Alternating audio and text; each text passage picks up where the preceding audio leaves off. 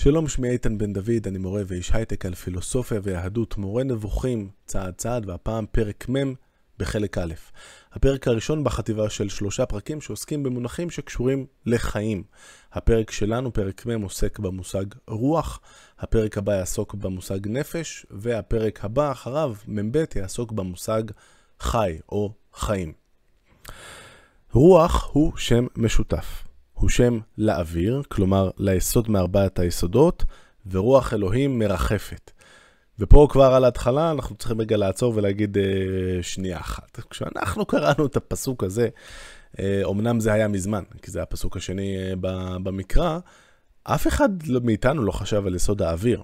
אה, והמפרשים, אה, כבר המפרשים הראשונים של הרמב"ם אה, כאן אומרים, אה, אין אה, מפרש שמפרש את הדברים ככה.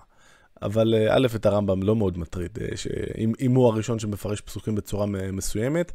אה, נזכיר שבתורת ארבעת היסודות של הפיזיקה הקלאסית, של אריסטו והלאה, כפי שהרמב"ם מכיר אותה, לכל יסוד יש מקום משלו, או מקום שהוא שואף אליו, נקרא לזה ככה, ביקום.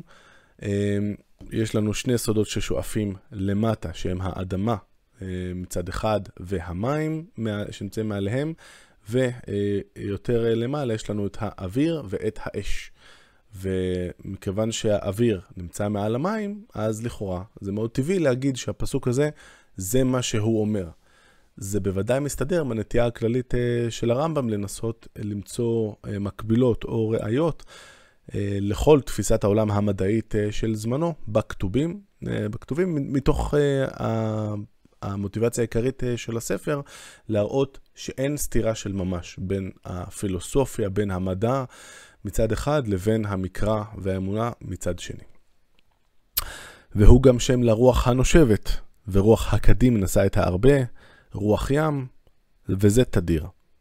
והוא גם שם לרוח החיים, רוח הולך ולא ישוב, אשר בו רוח חיים. ועכשיו קורה דבר מעניין, כן הוא שם הדבר הנשאר מן האדם אחרי המוות, אשר אין הכיליון דבק בו, והרוח תשוב אל האלוהים אשר נתנה. וכאן אה, אנחנו נכנסים אה, אה, שוב, וזאת לא הפעם הראשונה בספר, וגם לא הפעם האחרונה, גם בפרק הבא. תהיה לנו עוד נגיעה בנושא, הנושא המאוד טעון של הישארות הנפש, ללא ספק אחת המוטיבציות העיקריות של כולנו. זה במידת האפשר, אם היה אפשר רק שלא נמות כשאנחנו אמורים למות, זה יהיה ממש נהדר מבחינתנו. זה המצב האנושי הכללי.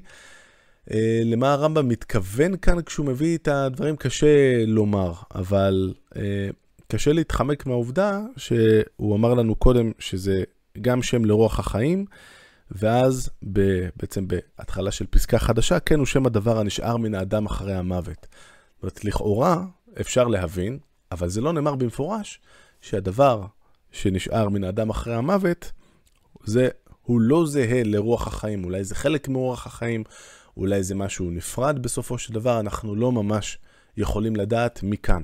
הרמב"ם לאורך מורה נבוכים אה, עושה מאמצים די ברור שהם מכוונים, להסתיר את העמדה הברורה שלו לגבי הישארות הנפש, יש לו אמירות שמאוד מקדמות או תומכות אה, את העמדה ה... אה, נקרא לזה העממית או הנאיבית או השמרנית, לפי הפשוט הנשמה שלנו לא מתה אה, יחד עם אה, מות הגוף, אלא ממשיכה הלאה. ויש מקומות אחרים שאפשר להבין מהם דברים אחרים. אפשר לראות אה, בתיאור את הלינק שלי לסרטון שבו עסקתי באחד המקומות שבה, שבהם הרמב"ם דן במרומז בהישארות הנפש, במה שאני חושב היא אחת הפצצות של הרמב"ם במורה נבוכים. אנחנו נמשיך. הוא גם שם השפע השכלי האלוהי השופע על הנביאים, ואז הם מתנבאים בו. כפי שנבאר לך כאשר נדון בנבואה, כפי מה שראוי להזכיר בספר זה. והנה הדוגמאות, ועצלתי מן הרוח אשר עליך, ושמתי עליהם, ויהי כנוח עליהם הרוח, רוח אדוני דיבר בי, וזה תדיר. נשים לב שכאן אה, יש לנו עוד נגיעה בעוד אחד מהנושאים שבהם עמדתו של הרמב"ם היא לא לגמרי ברורה, וזה לגבי הנבואה. עד כמה הנבואה היא מאמץ של הנביאים מלמטה כלפי מעלה להתחבר לאיזשהו שפע שקיים בקוסמוס, אבל לא כל אחד יכול להתחבר אליו, ועד כמה השפע הוא דבר שיורד מלמטה, מלמעלה למטה אל הנביאים, יכול להיות שהדברים האלה לא סותרים אחד את השני, אלא הם קשורים אחד בשני. בכל מקרה, הניסוח כאן אומר, השפע השכלי האלוהי השופע על הנביאים, ואז הם מתנבאים בו. זאת אומרת, זה בהחלט אחד המקומות שבהם הרמב"ם נוקט בשיטה של המלמעלה למטה, שהיא יותר קרובה לעמדה, ה... שוב, העממית, השמרנית, הקלאסית, הנאיבית אולי, ולא בכל המקומות במורה נבוכים, הוא יתמוך בעמדה הזאת. רוח הוא גם כן שם למטרה ולרצון. כל רוחו יוציא כסיל, מטרתו ורצונו. וכיוצא בו, ונבקה רוח מצרים בקרבו, ועצתו אבליה. זה מישעיה, ואני רוצה ברשותכם, אה, כמו שאני עושה בדרך כלל, לקחת את ההזדמנות ולקרוא את ההקשר בישעיה, שאני מאוד uh, מתחבר אליו. Uh, האמת היא, סליחה, נעשה את זה בציטוט הבא עוד רגע. הוא אומר, מטרותיה של מצרים תפוצנה לכל עבר והנהגתה תסתתר. וכיוצא בו, מי תיקן את רוח אדוני ואיש עצתו יודיענו. זה גם מישעיה, וכאן uh, נרחיב טיפה. הנה אדוני אלוהים בחזק יבוא, וזרועו מושלה לו. הנה שכרו איתו ופעולתו לפניו. כרועה עדרו יראה, בזרועו יקבץ תלאים, ובחיקו יישא, עלות ינהל. מכיוון שרובנו לא רגילים לראות אה, רועי צאן אה, על ימין ועל שמאל, אז יש פה את העניין הזה של ובחיקו יישא. אה, הייתה לי פעם הזכות בחתונה של חברי הטוב דורון, בדיוק זה היה באיזשהו מקום בהרים ליד בית שמש. וככה באמצע החופה זה היה עולה לקראתנו איזה רועה עם, עם, ה, עם הצאן שלו, והרועה פשוט החזיק ביד טלה שממש נולד אה, כנראה ב, ביציאה הזאת למרעה, ממש היה ניכר שהטלה הזה ממש בין, בין איזה כמה דקות או שעה. אה, הוא החזיק אותו בחיקו, כי הטלה עדיין לא יכול ללכת, וזה מה יש. זאת אומרת, כרגע צריך להחזיר אותו, לא, לא, לא, אי אפשר להשאיר אותו בחוץ, נכון? אז אה, זה, זה, זה חלק, זה ציטוט מדהים כאן, שאני תות, מאוד שמח שהייתה לי את הזכות לראות את המראה הנהדר הזה. מי מדד בשעלו מים, ושמיים בזרת תיקן, וכל בשליש עפר הארץ, ושקל בפלס הרים וגבעות במאזניים. זאת אומרת, מי ארגן את המדידה של כל העולם וכל הקוסמוס, אה, והנה הפסוק שלנו, אנחנו נחזור אליו עוד רגע. מי תיקן את רוח אדוני ואיש עצתו יודיענו. את מי נועץ ויבינהו, וילמדהו באורח משפט, וילמדהו דעת ודרך תבונות יודענו. הן גויים כמר מדלי, וכשחק מאזניים נחשבו. הן איים כדק ייטול. ואני עוד אה, שומע את אבא שלי מסביר לי על הפסוק הזה.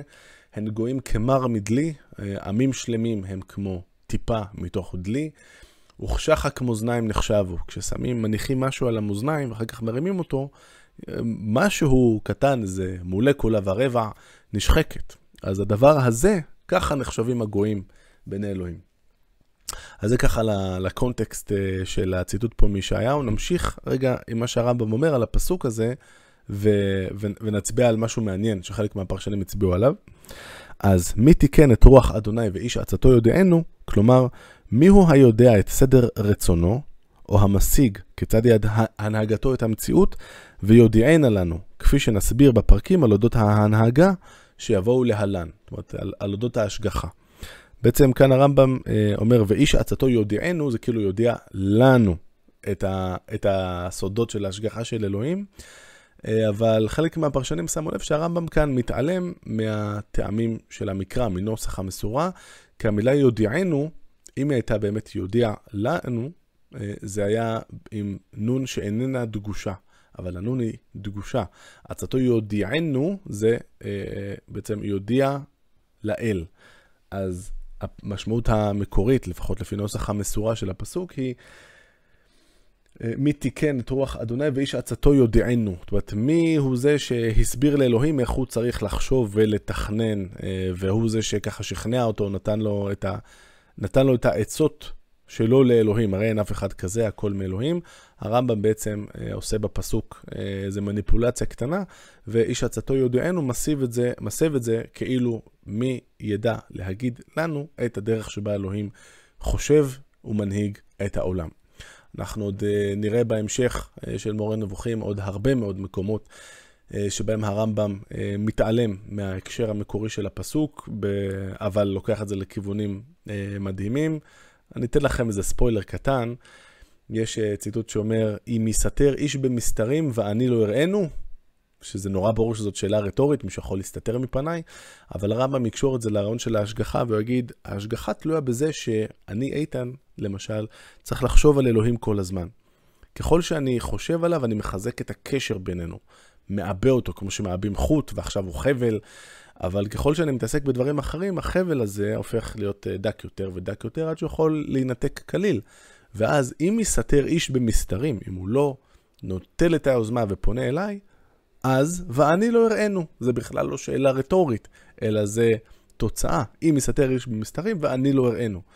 זאת פרשנות מופלאה בעיניי, עוד נגיע לשם. אה, יש שם אה, עמוק בחלק השלישי של מורה נבוכים. כאן אנחנו עכשיו נסיים את הפרק הנוכחי. אם כן, כל רוח המיוחסת לאל עניינה המשמעות החמישית, כלומר השפע שיורד על הנביאים, ולעיתים עניינה המשמעות האחרונה שהיא הרצון כפי שביארנו. יש לבערה בכל מקום לפי ההקשר. אז אם לסכם בפרק הלא ארוך הזה, שתופס פחות או יותר רק עמוד אחד כאן, דיברנו על רוח, אה, ראינו אה, גם רמיזה או אה, אינדיקציה לעמדה אפשרית של הרמב"ם בנושא הישארות הנפש, שזה לא זהה עם רוח החיים שלנו, אלא זה משהו שאולי אולי אחר, הוא לא אומר את זה במפורש.